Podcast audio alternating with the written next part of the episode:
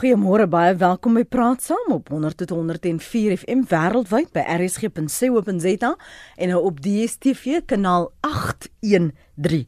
Ja, ons het ons kampie geskuif. Ons is nou by 813. 92% van ons land se munisipaliteite het finansiële probleme. Hoewel die aantal Suid-Afrikaanse munisipaliteite wat skoon audits ontvang het die afgelope 5 uh, eh, finansiële jare van 13 tot 54 vermeerder het, het 13% agteruit gegaan en 34% stagneer steeds. Maar die ouditeur-generaal Kimi Makwete is bly dat munisipaliteite in die rooi byna 'n onding van die verlede is. Nou met 'n plaaslike verkiesing om die draai, hoe lyk die stand van ons munisipale bestuur? Praat gerus saam 089 1104553. 089 Stuur jou SMS'e na 34024 34024. Elke SMS kos jou R1 of stuur 'n boodskap na die ateljee gaan na rsg.co.za. Ons praat ver oggend met ons gaste En uh, ek wil nou net seker maak ek het al almal se feite hier voor my. Uh, ek weet ons praat uh, met professor Andre Dievenage, hy's politieke uh, ontleder by die Noordwes Universiteit se Potchefstroom môre prof. Môre Lenet. Dankie vir jou tyd. En ons gesels met Karen Hisse. Sy is by Municipal IQ. Môre Karen, welkom. Dankie môre net. Vinnig net gou van julle kant die hele reaksie op eh, die ehm um, ouditeur-generaal Makwetu se bevindinge. Gee vir jou kans Karen, want jy die minste tyd vanoggend vir ons. Uh, thank you. You know, I think um, if we look at an aggregate level, we, we're moving in the right direction. And it's interesting that the AG, he, he looked over a five year period. And when we do look over that five year period, we see the majority of municipalities moving in the right direction. I think the concern is um, that there, there's still provinces, there, significantly the Northern Cape, the Northwest, and Limpopo, where this is not the case. You know, there have been a lot of interventions, a lot of assistance, and these municipalities are just not showing the political leadership that's necessary to improve audit opinions. I think the other concern, even in, with those municipalities, including metros, which which are doing a much better job in terms of auditing, is that there's still some worrying findings, especially around supply chain management and irregular spending. Mm-hmm. Ek wil gou vir jou vra terwyl ek jou het, ons moet voor jy gaan asseblief gesels oor julle bevindinge oor wat die redes is vir al hierdie protesoptogte wat ons in die eerste paar maande in 2016 gesien het, veral met die oog op die verkiesing. Ek wil net eers vinnig vir Andrei vra wat sy mening is van wat ons uh, bevindinge is uh, van die Makwetu van uh, Auditeur-generaal Makwetu. Lenet ja, dit is 'n verslag met gemengde bevindinge daar is op sekere terreine is daar verbetering in terme van audit verslagdoening. Ons dink dit gaan uh, baie goed in 'n provinsie soos byvoorbeeld die Wes-Kaap. Dit gaan nie heeltemal so goed nie, maar tog in vergelyking tot ander provinsies goed in Gauteng, maar dan is daar besondere groot uitdagings hmm. in 'n provinsie soos Noordwes, Mpumalanga, Limpopo en die Oos-Kaap. Ek moet eerlik sê vanuit 'n regeringshoek sou ek bekommerd wees oor die inhoud van hierdie verslag en die uitdagings wat deur die ouditeur-generaal aangedui is so kort voor die verkiesing. En hier kan mens by 'n klomp sake stil staan. Ek lys net enkeles.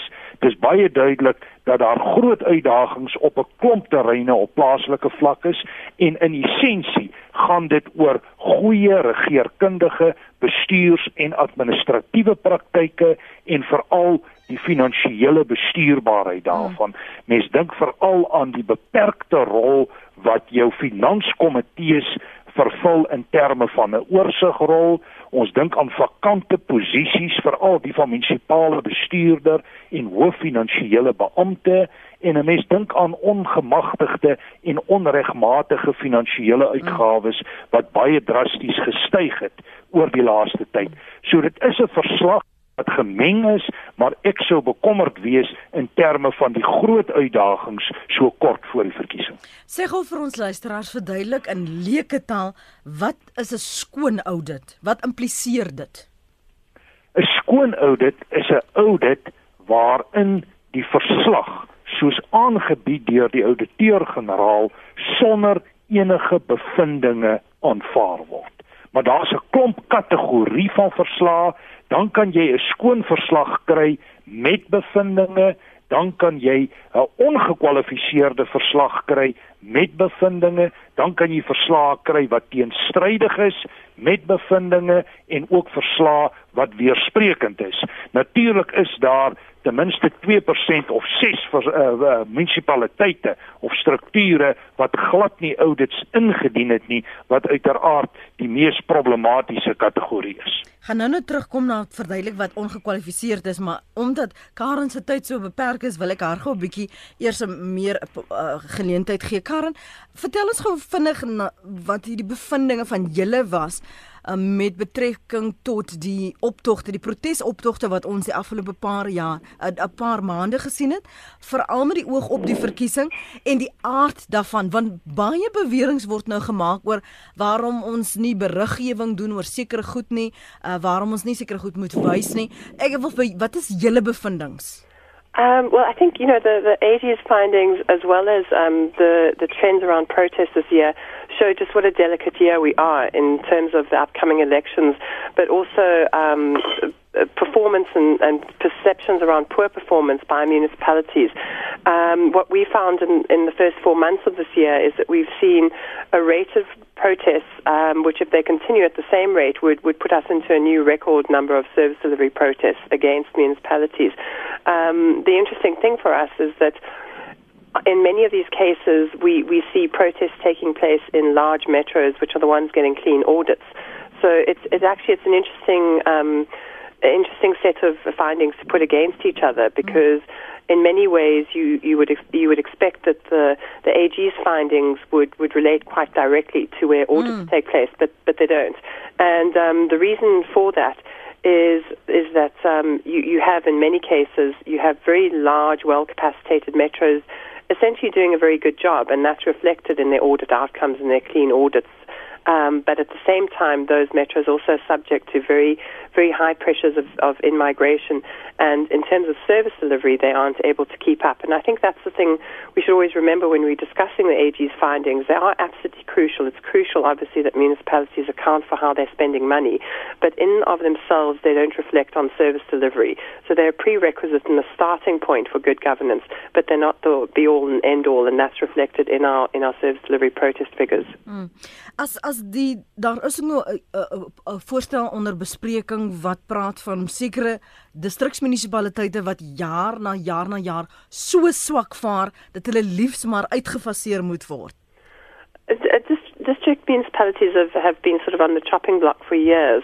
Um, there are a number of municipalities, district municipalities that that do do their cause no good. Um, and you know, I, I think it's something that that we should discuss and consider. The problem is at the moment we are facing a whole number of of amalgamated municipalities, particularly in the Eastern Cape and mm. Limpopo. So I think it would be um, at the moment in the next in the foreseeable future or the short term it would be potentially quite a dangerous thing to remove all district councils because they have a role to play, especially around infrastructure delivery. So I think we need to see how things settle. We, we don't want to have too much of an overhaul and too much of a change all at once. See whether the new local municipalities work better as larger entities and how the districts play into that. Um, but I certainly think there's there's room for debate, especially if we look at some of the audit outcomes for a number of the district municipalities. Ek gaan net nou vir Andre vra om sy opinie daaroor te gee net so 'n laaste vraag voor jy dan gaan as ons kyk na jy daarna verwys die politieke leierskap dat daar 'n uh, tekort daarin is die konsultante se vlekkies gaan ook binnekort geklip word maar as jy sien die behoefte by baie van hierdie uh, uh, munisipaliteite aan finansiële bestuur lyk dit vir my asof die die die die broodnodigheid vir 'n konsultant iemand om hulle te help jy kan dit nie kwalifiseer nie. Um, yes, I mean it's quite interesting the the the use of consultants is it's it's understandable given the high vacancy rates. Um, but I think what the Auditor General expressed frustration with is that the, that that his office often has to go and clean up what those consultants have done. So I think mm. the concern is not only around the expense of those consultants, but, but also the management of them, that the quality of what's being provided by many of those consultants is questionable. And the issue that's also raised, there's no skills transfer. So I think um, you know, it's not consultants per se, but mm. it, it's it's what's coming out of the work of those consultants or not coming out of the work of the consultants. But it is symptomatic of a, of a general crisis of capacity in the sector. Ons het elke keer die die verslag van die ouditeur-generaal Kimi Makwetji ons sien ehm um, hoe swak sekere munisipaliteite vaar Karen um, veral wat besteding betref onregmatige bestedingprosesse wat nie gevolg word nie maar tog selfs na hierdie verslag en die swak audit is daar nie gevolge vir hierdie munisipaliteite nie Well, I think that's that's one of the, the key themes of the Auditor General. Is it, it comes down to issues of, of accountability and consequences for poor actions, and behind that is political leadership. And I think you know um, we, we've already mentioned we've touched on the Western Cape being in many ways a success story and, and to a lesser extent but significantly KwaZulu-Natal and Gauteng municipalities. And what we see is where um, top level leadership supports audit processes and and and, and the converse is punishes um, officials where where they're not working properly. That's when we see change. So it is possible, um, but the commitment needs to come from a top level. Hmm. Karen baie dankie vir jou kortheid wat jy beskikbaar het om om met ons te gesels vanoggend waardeer dit. Thank you and thank you to your listeners. Mooi bly. Dit's Karen Hesse, sy is by Municipal IQ. Hulle het in verlede maand, vroeg verlede maand ook 'n verslag, 'n persverklaring vrygestel waar hulle hulle navorsing uh, toon van die redes en die die prevalensie uh, van al die protesoptogte wat ons nou die eerste paar maande in 2016 gesien het en dan dien jy nou belangstel, gaan soek hulle net op jou soek enjin Municipal IQ. Dis die let die syfers, uh, die letters. Ekskuus tog julle. Die let letters I en Q. Ehm um, en dan sal jy ook daai verslag onder oë kan hê. Maar dankie vir die aanhou Christo, dankie dat jy gebel het môre. Môre Lenet Christo Everson van Pretoria, môre gaste en môre publiek. Weet jy, ek wil net vanoggend sê as 'n lid van die publiek en 'n luisteraar, is ek in die gesig gevat en vies oor die dubbelsinnige beriggewing oor die syfers en die verwarring wat veroorsaak word oor hierdie uh, ouditverslag en gereeld dit is nou maar deel van ons samelewing maar dit maak 'n ou vies en ek dink dit is tyd dat iemand dit hoor en ek voel amper asof ek namens die hele publiek praat almal weet dat byna al die uh uh, uh staatsdepartemente en munisipaliteite in 'n chaotiese toestand is. Nou hoor al word daar berig gegee dat 56% van die munisipaliteite het ongekwalifiseerde audits gekry. Ons moet verduidelik wat ongekwalifiseerd is in gewone mense se taal. Die volgende deel van die berig sê benewens daardie feit is daar steeds 92% van die munisipaliteite wat tegnies insolvent is. En dit maak my vies dat die beriggewing in een sin so dubbelsinnig is. Wat dink die verslaggewers? Dink hulle die publiek is stupid? Nog iets Christo? Ja, dis maar 'n boodskap vir vanoggend. Okay. Verduidelik asseblief. Ons gaan by ongekwalifiseer en gekwalifiseer is. Dit is belangrik, maar in gewone taal. Maar het jy gehoor ek het gesê ons moet vir in gewone taal leuke taal vra. Wat beteken dit? Okay. Maar ek maak nie ek uh, sit net weer aksent op dit. Dit is bitter belangrik. Dankie hoor. Mooi bly Christo. Ek sal mos maar nou die pak vir al die verslaggewers in die land ook vat. Dion môre? Goeiemôre Lenet. Ehm um, Christo maak 'n klomp sterk punte daar. En ek dink uh, die ongekwalifiseerde verslag, jy weet, as jy dit verduidelik vir die publiek, sal dit eh, 'n uh, baie belangrike ding wees. Maar die groot rede vir hierdie geweldige hoeveelheid uh um optogte wat ons het en hierdie hierdie hierdie geweld wat ons op die oomblik sien, lê in die feit dat die munisipaliteite in hulle aan hulle batekant en ons praat van current assets, huidige bates, bates wat hierdie jaar na kontant omgeskep sit moet word, verskriklike min kontant het. En dan aan die laste kant van hierdie balans staan sit hulle met geweldige hoeveelheid verskaffers wat hulle moet betaal. En as ek nou een voorbeeld kan noem en my syfers is miskien nou nie 100% akkuraat nie want ek het nou nie my rekenaar oop nie. Maar Klerksdorp wat 'n redelike groot munisipaliteit is, sit met min of meer 82 miljoen rand se kontant op die vorige finansiële jaar en hulle moet 329 miljoen rand se krediteure betaal. Dit beteken hulle het min of meer 25 sent vir elke rand wat hulle skuld. En dit is skuld wat reeds aangegaan is. Nou wanneer jy in 'n situasie sit waar jy nie jou skuld kan betaal nie, dan dan dan kan jy dan wil nuwe verskaffers nie meer met jou besigheid doen nie.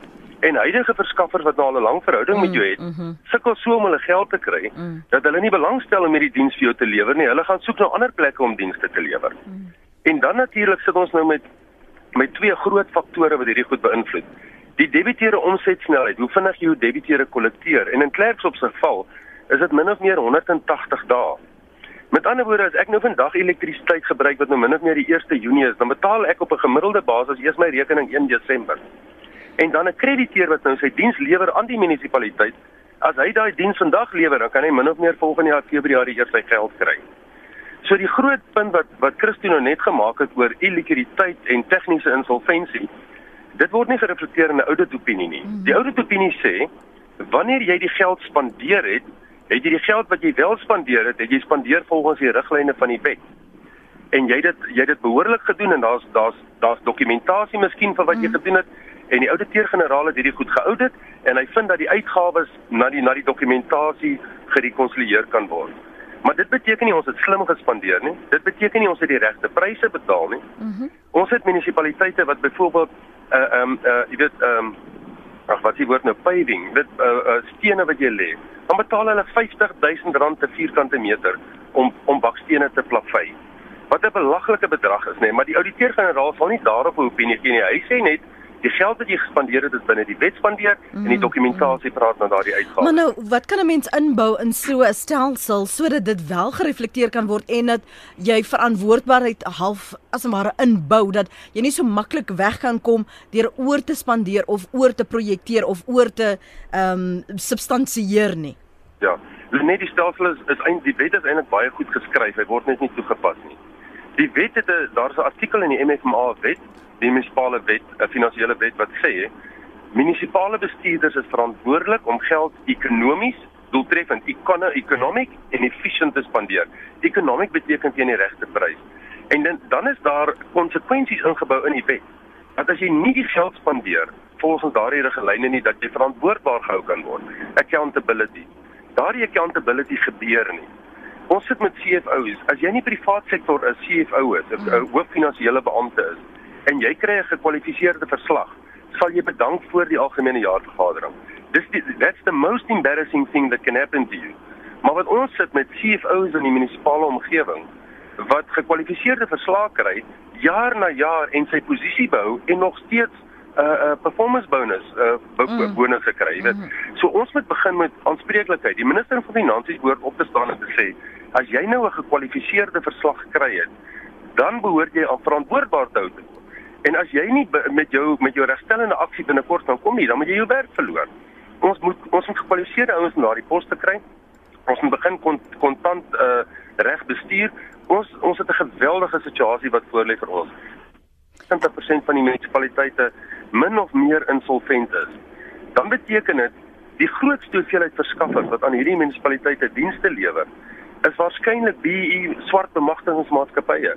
En daardie ouens is is dringend afhanklik van hierdie kontantvloei waarmee hulle hulle werknemers betaal. Mm. en hulle word eenvoudig net nie betaal nie. Kan ek dan gou vinnig gaan na een van die voorstelle op die tafel? En ek het dit vir Karen ook gevra dat hierdie munisipaliteite wat so sleg vaar wat elke jaar in die rooi is dat hulle liewer maar uitgefaseer moet word. Maak dit ekonomies sin? Sal dit van hierdie probleme wat jy uitgewys het kan ondervang Ja, Lenet, ek dink die minister van finansies is baie duidelik daarop. Hy het nou hy punte gemaak en ek dink as hy toegelaat sal word om dit nou deur te dryf, dan gaan hy dit doen. Hy het klaar byvoorbeeld vir Ventersdorp dorp gevat en nou onder Potchefstroom ingetrek.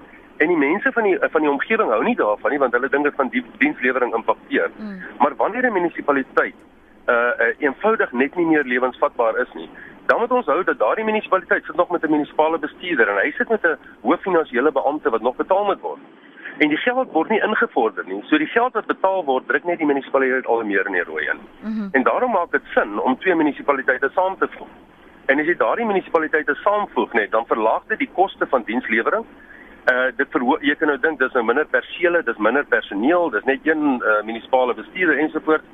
En en baie van die munisipaliteite, ek ek wil net te veel van jou tyd vat nie, dit is 'n nee, belangrike program. Luister, maar luister. baie baie van jou munisipaliteite net sit met vakante uh, vakante posisies daar is 'n daar's 'n daar's 'n 'n berekening wat nasionale tesourier doen wat hulle bepaal dat min of meer 'n derde van jou begroting moet na na salariskoste toe gaan.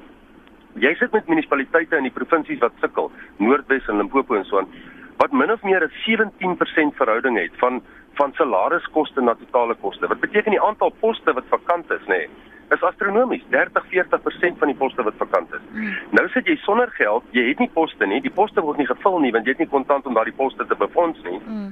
En dan raak die dienslewering swakker. So as jy nou twee munisipaliteite het wat min of meer met 'n 20% salarisverhouding sit en jy gooi hulle saam, dan jy eintlik dubbel die mannekrag wat jou wat jy opskuif na daardie vereiste wat nasionale tesourier stel in terme van salariskoste en hopelik kan jy dan bietjie beter diens lewer. Mm. Maar dit maak absoluut sin. Ek is 'n groot voorstander dat distriksmunisipaliteite moet ver, verdwyn.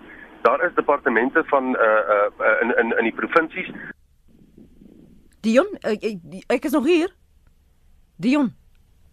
Waar's jy? Dion, ek is nou so jammer.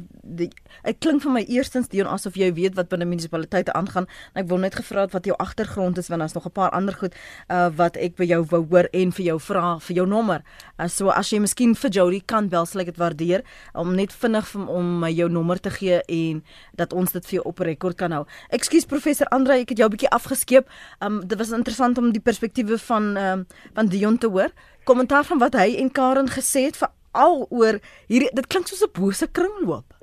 Uh, inderdaad so hulle uh, net ek dink die twee twee perspektiewe wat ons gekry het is is baie geldige perspektiewe. Hulle het 'n groot klomp sake aangeraak. Miskien net op 'n meer metodologiese vlak een opmerking. 'n gedeelte van die verslag fokus op die audit verslag as audit verslag mm -hmm. en sê dan dat die prentjie is beter want daar is meer verslae ingedien en so aan maar dit sê nie noodwendig omdat daar 'n verslag ingedien is dat die prentjie noodwendig beter is nie.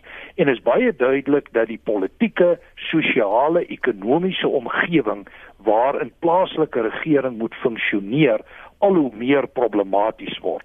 En daar is die deurslaggewende syfer dat tot 92% van plaaslike regeringsstrukture worstel met uh, die kwessie van volhoubaarheid, veral finansiële volhoubaarheid en benodig forme van intervensie terwyl tot soveel as 26% nie meer hulle basiese aktiwiteite kan volvoer nie. Wat net vir ons sê hoe groot die uitdaging is. Nou die een kollega kom hier van uh, Matlosana af uh, of terwyl Klerksdorp en ons weet die dagings deur die hele Noordwes provinsie is dat daar nie 'n enkele skoon audit binne Noordwes op die oomblik is nie. Waar ek wel 'n bietjie verskil is dat amalgamasie van munisipaliteite nie noodwendig altyd 'n oplossing bring nie. Persoonlik dink ek nie dat die invoeging van Ventersdorp by Potchefstroom Klokwe noodwendig die situasie gaan verbeter nie. Dit gaan waarskynlik die probleme vermeerder. Ek persoonlik dink dat munisipale strukture moet funksioneel wees binne hulle betrokke omgewing en jy moet hulle funksioneel maak uh, via intervensies, maar jy kan nie alles bymekaar probeer saambondel nie. As ek net een punt kan noem, die hele konteks waar binne Potchefstroom Klokwe funksioneer en die tipe aktiwiteite wat hier aangaan, verskil fundamenteel van dit wat in Ventersdorp aan die orde is.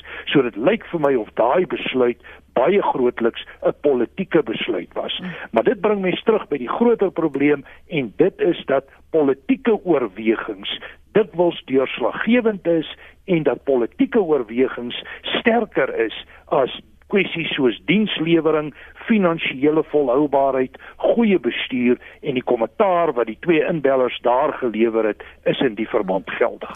Kom ons skep gou asem as ons terugkom praat ons oor wat behels 'n ongekwalifiseerde audit dan, wat is die implikasies daarvan? Ons praat ook oor die punt wat professor Andre Dievenage nou gemaak het oor politieke oorweging wat swaarder weeg as goeie as leierskap byvoorbeeld, as goeie uh, bestuur, selfs uh, dienslewering. Nou nou terug Moenie weggaan nie. Jy luister na Praat Saam, weekoggende 8 tot 9.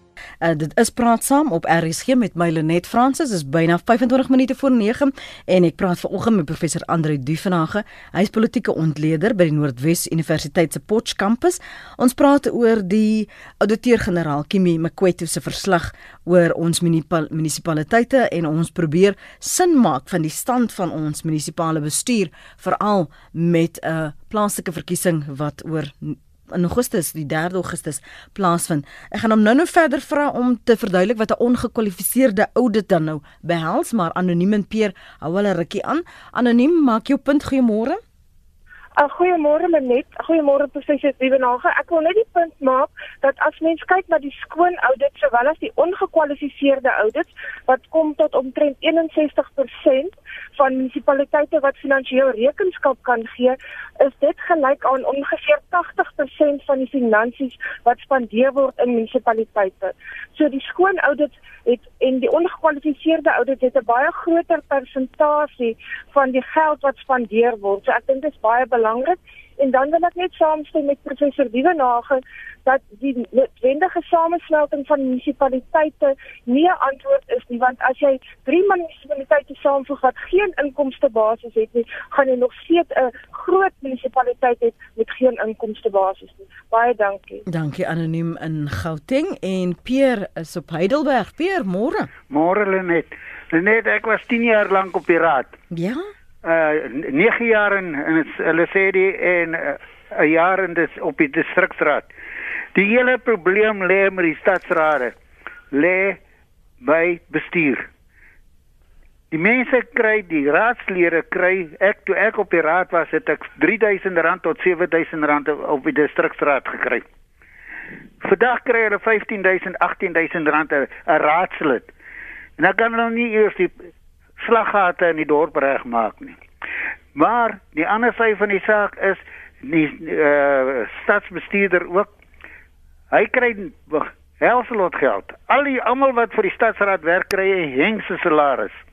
En die die stadsraad kan dit nie bekostig nie want die inkomste is nie daar nie want die uh, townships betaal nie hulle water en ligte rekeninge hulle ry Mercedes en hulle bly in hophuise maar hulle betaal nie hulle water en ligte nie Okay, dis bietjie van 'n veralgemening as op peer en laat ons dit vir eers daar laat. Ek gaan nou-nou kyk na julle kommentaar op sosiale media. Ek sien Etienne jou punt. Ons gaan nou dit aanraak. As jy nog wil saampraat op ons sosiale media, skree vir my jou SMS eh, na 34024 34024. Elke SMS onthou net is wel R1 of 'n boodskap uh, na die ateljee by rsg.co.za of bel ons dan in die ateljee op 0891104553. So nou wat is 'n ongekwalifiseerde audit of verslag? Professor Lenet, uh, kom ons kyk vinnig na hierdie kategorieë en ek moet sê dit is audit kategorieë en ek wil weer die punt maak wat ek vroeër gemaak het uh om 'n verslag te lewer word op 'n manier beoordeel, maar dis nie gelyk aan die inhoud van die verslag nie. Nou kom ons kyk gou na die kategorieë. Die eerste kategorie is ongekwalifiseerd met geen bevindinge nie. En dit is basies 'n skoon verslag wat sê soos die verslag gedoen word, is hy aanvaarbaar en hier in hierdie kategorie is 19% van ons munisipaliteite of terwyl 54. Dan kry ons 'n ongekwalifiseerde verslag met bevindinge. Dit beteken die basiese verslag is in orde, maar daar's kleinere probleme wat as bevindinge geformuleer word binne die verslag. En hier is 40% oftewel 109 munisipaliteite van die 272 ter sprake. Maar dan kom jy by 'n volgende kategorie en dit is daar waar die verslag nie heeltemal aanvaarbaar is nie. Die verslag word gekwalifiseer en daar is bevindinge. Dit wil sê daar's redelike ernstige probleme met die verslag self en 28% oftewel 76 van ons munisipaliteite resorteer onder hierdie kategorie. Dan is daar 'n klein kategorie 1% wat teenstrydige verslae gelewer het waarin daar ook bevindinge geformuleer is. In ander woorde, die verslag praat teen homself mhm. en is wesentlik onakkuraat. En dan is daar 'n verdere kategorie wat ook weersprekend is met ernstige bevindinge. Hier is 10% of 29 munisipaliteite en dan 2% of 6 6 munisipaliteite wat glad nie audits gelewer het nie. So belangrik net ons moet onderskei tussen die vermoë om 'n verslag te lewer want baie van hierdie munisipaliteite het nie in die verlede die vermoë gehad om 'n behoorlike finansiële auditverslag te lewer nie. En aan die ander kant, die inhoud van die verslag. Jy mag dalk 'n goeie verslag lewer, maar die inhoud van daai verslag wys op ernstige probleme en tekortkominge binne die munisipaliteit. En dan kan ek ook maar net sê, as ons vinnig kyk na die groot uitdagings wat die ouditeur-generaal identifiseer, dan is daar 'n klomp goed wat ek dink belangrik is en wat ook tendense is in ons politiek. Die hmm. eerste is die kwessie van onstabiliteit en daaroor het ons vroeër en al in die verlede gesprek gevoer met verkiesings en veral na verkiesings kry jy leierskapveranderings, jy kry nuwe aanstellings en daar's dikwels 'n probleem met kontinuïteit soos die fase wat ons nou ingaan. 'n Tweede probleem het te maak met tydelike aanstellings. Politieke uh, leiers, burgemeesters en so aan verkies tydelike aanstellings. Hulle wil nie die mense permanent maak nie, want sodoende het hulle groter beheer op daai aanstellings. Hmm dan verder jou verkryging van goedere en dienste. En hier's 'n reuse probleem met die verkryging van goedere en dienste ketting. En dit is dikwels uitgekontrakteer. Daar's nie behoorlik kompeterende praktyke nie en daar's onregverdigheid in daai prosesse. Dan kan ons ook praat oor finansiële begrotingsbestuur die kwessie van die oorsigfunksie en ek dink die punt wat gemaak is vroeër dat ons deesdae raadslede polities teen groot salarisse aanstel is op 'n manier ook problematies. Mm -hmm. want in sekere omgewings maak mense mekaar dood vir daai posisies. En as hy eers die posisie het dan ontruim hy nie maklik daai betrokke posisie nie. En dit bring 'n stuk bestuursonstabiliteit en 'n eh, bestuursineffektiwiteit in die stelsel in wat ek dink problematies is. So dis enkele tendense in terme van die groter problematiek. Hmm. Ek onthou jare gelede toe hy nog geleef het, het ek 'n onderhoud gedoen met die destydse minister Sicelo Siceka. En hy was optimisties oor al hierdie verskillende soort opleiding kursusse veral waar daar munisipale bestuurders was wat nie verstaan het hoe uh, die finansiële sake werk nie dat hulle bemagtig sou word en toe sa hier en daar 'n konsultante aangestel om om te help met hierdie uh, vaardigheidsoordrag wat te Karen vroeër vanaf verwys het en gesê daar is nie werklik 'n uh, vaardigheidsoordrag wat wat plaasvind nie. En nou word daar weer kritiek gelewer oor die konsultante wat te veel uh, betaal word hoewel dit lyk in sommige munisipaliteite kan hulle nie sonder hulle klaarkom nie. So nou wat is die posisie van van konsultante en is hulle so nodig soos sommige van die bestuurders sê en en miljoene spandeer? net uh, net van 'n kantlyn opmerking mm. meneer Tseko was een van my studente by die Vrystaatse Universiteit in regeringskunde en politieke transformasie en uh, ek het hom redelik goed geken. Mm. Ek dink die punt wat hy daar maak is 'n baie belangrike punt. Oralster kry jy diensverskaffers wat opleiding gee en dit is dikwels nie in terme van geakkrediteerde en gehalte kursusse nie en ek dink dit skep 'n groot klomp probleme en universiteite ook in my omgewing probeer om deesdae kursusse te ontwikkel van 'n geakkrediteerde gehalte wat werklik kan help om kapasiteit te bou. Maar daar's ongelukkig 'n verdere probleem ook in die konteks en dit is die onstabiliteit ten opsigte van die personeelkorps. Daar is so 'n geweldige wisseling van personeel en verskuiwing dat jy nie regtig kontinuïteit kan bou nie, dat jy nie kapasiteit kan skep nie, dat die institusionele geheue dikwels verlore gaan en dit hou meestal verband met politieke prosesse, patrone van politieke onstabiliteit. Ek wil dit amper noem die verdeling van die politieke buit na afloop van 'n verkiesing en dit skep ernstige probleme in terme van kontinuïteit.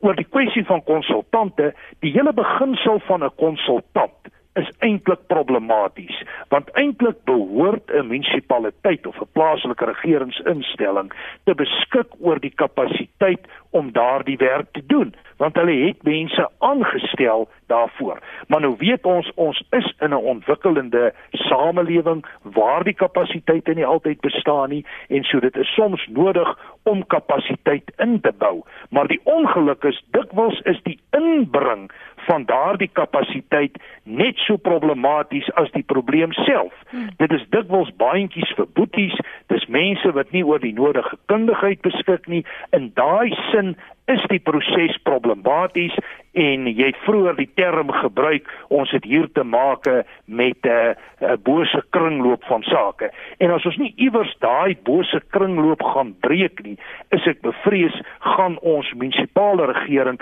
nooit heeltemal uit hierdie moeras uithaal nie en dan gaan ons eintlik maar die inploffing sien van die moderne staat op 'n plaaslike vlak soos wat dit reeds aanwesig is in ten minste sekere provinsies. Daarteenoor kan ons daarom sê hier is 'n klompie ligpunte. Ons kyk na die Wes-Kaap, ons kyk na dele van Gauteng en daar is ook kleiner munisipaliteite wat as suksesverhale kan dien.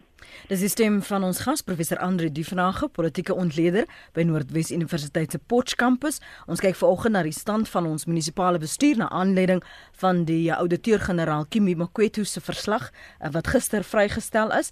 En uh, ek gaan nou nou vir uh, Johan in die Kaap en Colin ook in die Kaap geleentheid gee om saam te praat. Vinnig kyk ek na jou sosiale media.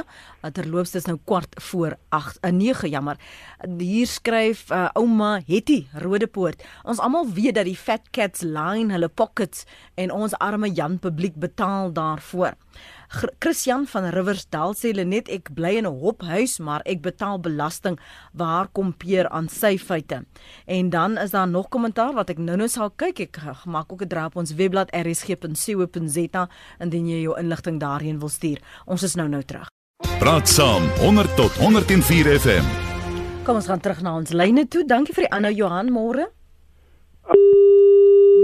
Ja, Johan, dit lyk nie my jy's daar. Colin, is jy nog met my? Ook nie. Professor, as jy nog met my? Nee, hy's ook nie by my nie. Professor Andre, uh, die vanaand ons gaan hom weer in die hande probeer kry. Uh lyk my almal het daar in hy breek ehm um, verdwyn. Kom ek lees dan wat wie julle skryf op ons webblad. As vir my saaks uh, waar, waar is dit? Uh Pieter sê omdat 'n uh, ander dorp se munisipaliteit nou pateties is, bankrot en sovoorts wil ek nie daardie dorp by my dorp se munisipaliteit insluit nie. Dan betaal ons vir 'n ander dorp se foute.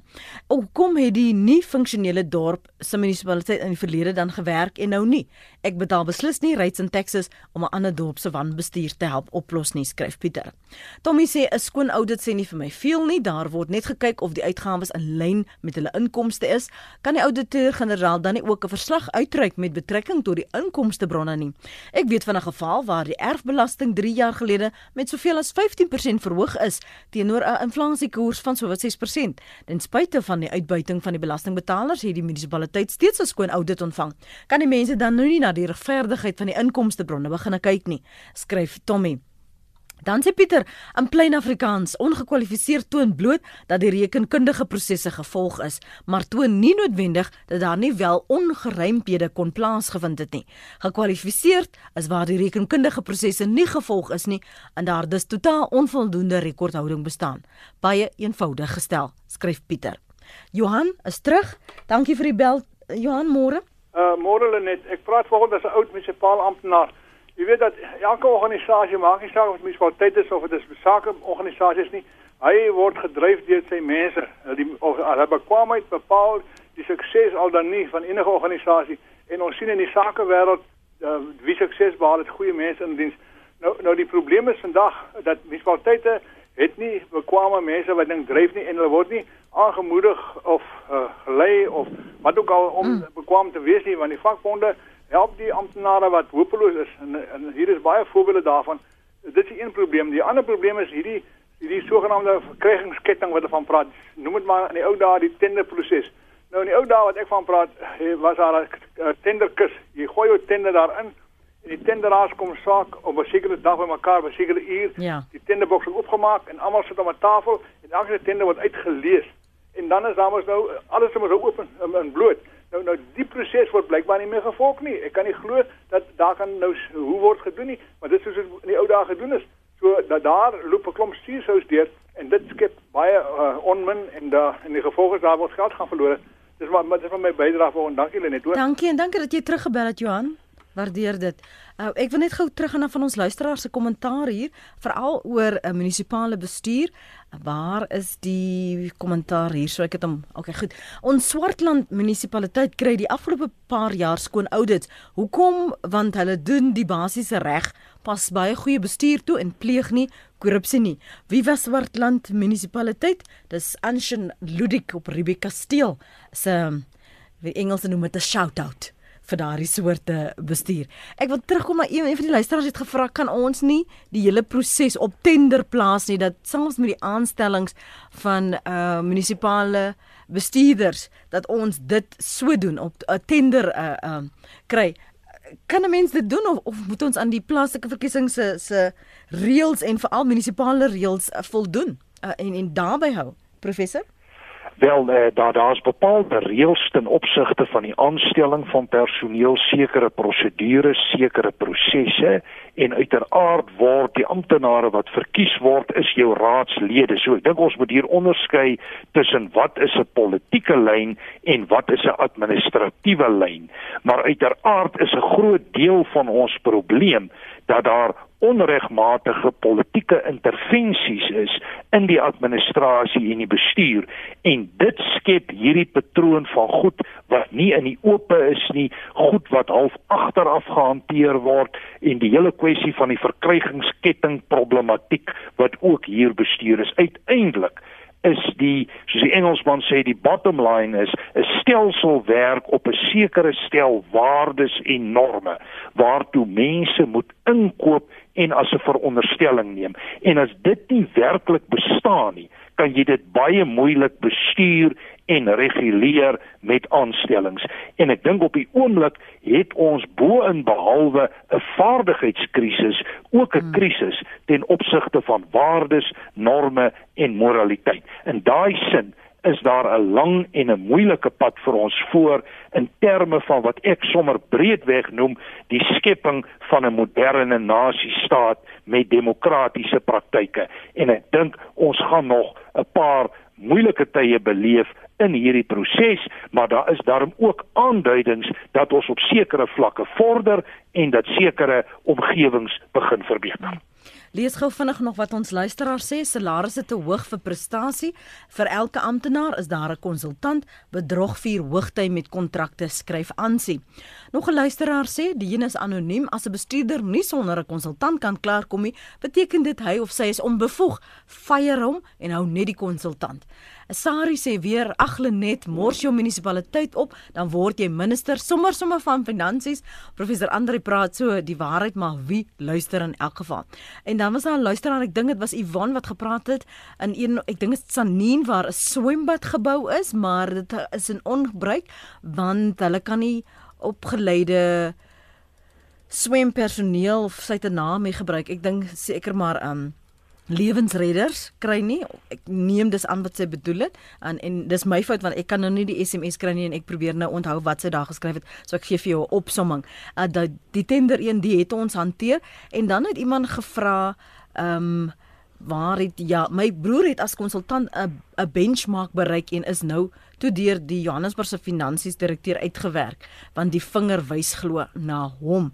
Baie wat praat oor die kwaliteit van munisipale bestuurders.